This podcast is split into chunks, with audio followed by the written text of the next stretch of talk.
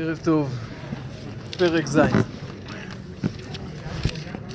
וישכם ירובעל הוא גדעון וכל העם אשר איתו ויחנו על עין חרוד.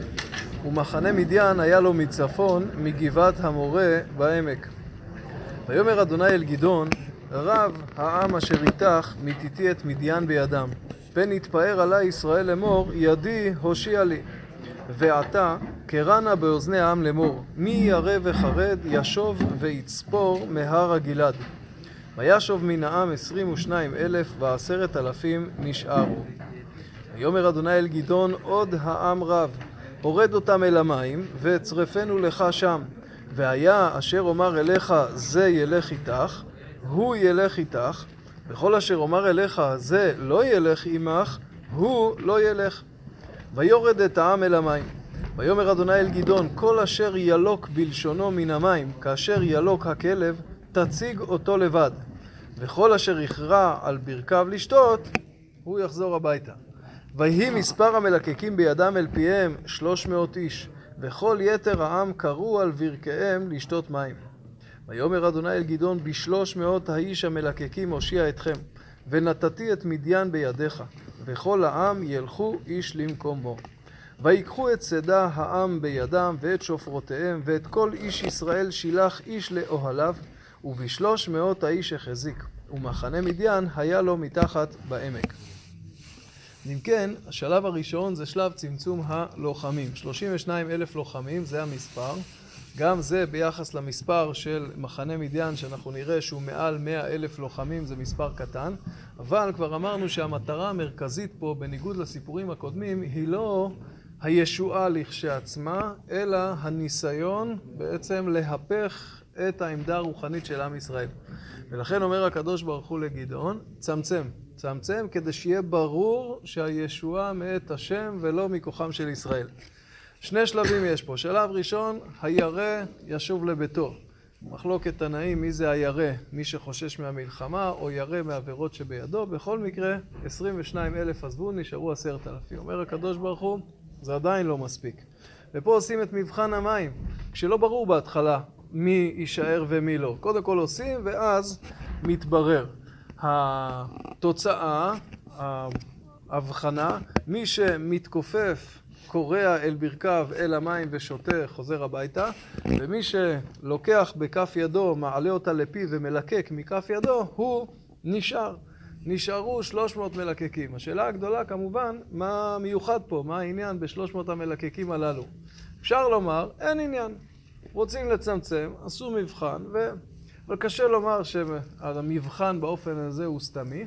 באמת הפרשנים הלכו פה לכיוונים שונים. חז"ל לקחו את זה למקום הרוחני. אומרים שאלה שקראו זה אלה שהיו רגילים לכרוע על ברכיהם לעבודה זרה. בעצם השלוש מאות שנשארו זה שלוש מאות אנשים שלא עבדו עבודה זרה. פרשנים אחרים הלכו באמת למקום של ההתאמה למלחמה. זאת אומרת, מי שמתכופף, אנחנו עכשיו נמצאים בעמדות קרב, המדיינים קרובים. מי שמתכופף, קורע, הוא מפקיר את עצמו, אפשר לבוא אליו מאחורה ולתקוף אותו. מי שמביא את המים אליו הוא יותר דרוך, הוא יותר מוכן, הוא ראוי לצאת לקרב. טוב, זה מעניין. יש פרשנות בדיוק הפוכה. יש פרשנות שאומרת, להפך, אלה שקוראים אל המים, אלה האמיצים. הם לא מפחדים. אלה שהביאו, הם, הם חוששים. והקדוש ברוך הוא אומר, ניקח את החששנים, ניקח את הפחדנים, שהישועה תיראה. הקיצור, הפרשנות פה, כן, מספר הפרשנויות, אה, אה, אנחנו מבינים, הקושי הוא ברור, לא, לא, לא ברור, בפשט לא כתוב מה הפרמטר, בין אם זה עניין רוחני, בין אם זה עניין צבאי, בכל מקרה דבר אחד ברור. בסוף יוצאים לקרב עם 300 לוחמים, וזה לא עונה על שום קנה מידה נורמלי והגיוני. ויהי בלילה ההוא, ויאמר אליו אדוני, קום רד במחנה, כי נתתיו בידיך. ואם ירא אתה לרדת, רד אתה ופורה נערך אל המחנה. ושמעת מה ידברו, ואחר תחזקנה ידיך, וירדת במחנה. וירד הוא ופורה נערו אל קצה החמושים אשר במחנה. ומדיין ועמלק וכל בני קדם נופלים בעמק כארבה לרוב, ולגמליהם אין מספר, כחול שעל שפת הים לרוב. ויבוא גדעון, והנה איש מספר לרעהו חלום. ויאמר הנה חלום חלמתי, והנה צליל לחם שעורים מתהפך במחנה מדיין, ויבוא עד האוהל, ויכהו ויפול, ויהפכהו למעלה ונפל האוהל. ויען רעהו ויאמר אין זאת בלתי עם חרב גדעון בן יואש איש ישראל. נתן האלוהים בידו את מדיין ואת כל המחנה. אז כמובן הנקודה פה זה גם החלום אבל גם הפרשנות. צליל לחם שעורים, השעורים מבטאים את מחנה ישראל. אמרנו שהנזק שהמדיינים עשו להם הוא נזק כלכלי, הם פושטים על התבואה, ולכן צליל לחם השעורים מייצג את ישראל. אבל כשלוחם בצבא הגדול והענק הזה, זו הפרשנות שלו, אז הרי זה מהווה סימן לכך שחרדה פושטת במחנה מדיין, ואם כן, עוד סימן לגדעון שהקדוש ברוך הוא איתו והניצחון בדרך. ויהי כשמוע גדעון את מספר החלום ואת שברו וישתחו. וישוב אל מחנה ישראל ויאמר קומו כי נתן אדוני בידכם את מחנה מדיין. ויחץ את שלוש מאות האיש שלושה ראשים. ויתן שופרות ביד כולם וחדים ריקים ולפידים בתוך הקדים. ויאמר עליהם ממני תראו וכן תעשו. והנה אנוכי בא בקצה המחנה והיה כאשר אעשה כן תעשונו. ותקעתי בשופר אנוכי וכל אשר איתי, ותקעתם בשופרות גם אתם סביבות כל המחנה, ואמרתם לאדוני ולגדעון. ויבוא גדעון ומאה איש אשר איתו בקצה המחנה, ראש האשמורת התיכונה, אך הקם הקימו את השומרים, ויתקעו בשופרות ונפוץ הקדים אשר בידם. ויתקעו שלושת הראשים בשופרות, וישברו הקדים, ויחזיקו ביד שמאלם בלפידים, וביד ימינם השופרות לתקוע, ויקראו חרב לאדוני ולגדעון.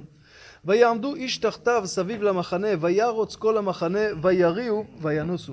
ויתקעו שלוש מאות השופרות, וישם אדוני את חרב איש ברעהו ובכל המחנה. וינוס המחנה עד בית השיטה צררתה, עד שפת אבל מחולה על טבת. ויצעק איש ישראל מנפתלי ומן אשר ומן כל מנשה וירדפו אחרי מדיין.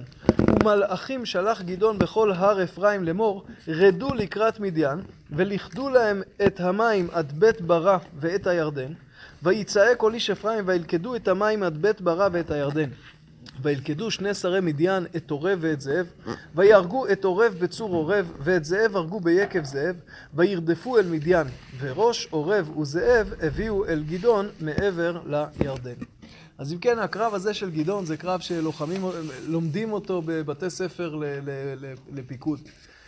זה באמת, גדעון, וזו הנקודה המיוחדת, גדעון נזקק לחיזוק מאת השם. וגדעון מובטח לו שהישועה תבוא מאת השם, אבל זה לא סותר את ההשתדלות שהוא עושה. הוא מתכנן פה את הקרב למופת. מתחלקים לשלושה ראשים, שלושה כיוונים. למה לא ארבעה? כדי שיהיה פתח לברוח, כי אם לא יהיה פתח לברוח וכל הכמות הלוחמים הזאת תקום ותילחם ויסתבר בסוף שזה בסך הכל 300 תוקפים, זה לא ייגמר טוב. אז הם באים משלושה כיוונים, עושים תצוגה אורקולית, כן, לפידים, אפרופו שבת ארגון, לפידים, שופרות, צועקים באמצע הלילה, מתזמנים את זה בדיוק לזמן החלפת המשמרות, שהשומרים עוד לא התאפסו על הכיוונים ועל העמדות, יוצרים בהלה במחנה מדיין. מחנה מדיין, מדיין קודם כל באופיים אלה שבטים שבטים. הכתוב העיד שיש פה ממדיין, מעמלק ומבני קדם. הם לא מכירים אחד את השני, הם קמים באמצע הלילה, כל אחד חושב שזה שלידו הוא האויב, והם מתחילים להרוג אחד את השני. פורצת בהלה והם בורחים. ושם מגיע השלב השני. השלב הראשון זה 300 הלוחמים. אבל בשלב המנוסה, גדעון פה מזעיק את אנשי ישראל. מסתבר שאלה שהלכו הביתה עוד לא הגיעו הביתה, והם מיד באים. אנשי אפרים יורדים הרי מעמק יזרעאל, הם בורחים לכיוון מזרח, רוצים לחצות את הירדן, בורחים ותופסים אותם שם על מעברות הירדן, וכך בעצם הקרב הזה שהתחיל מ-300 כנגד כ-130 אלף לוחמים, הופך לישועה גדולה ביד השם וביד גדעון. ערב טוב.